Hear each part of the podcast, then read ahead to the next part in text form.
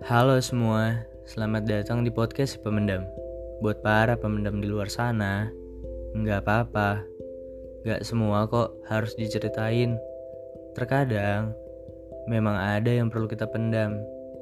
Asalkan, jangan sampai jadi dendam ya.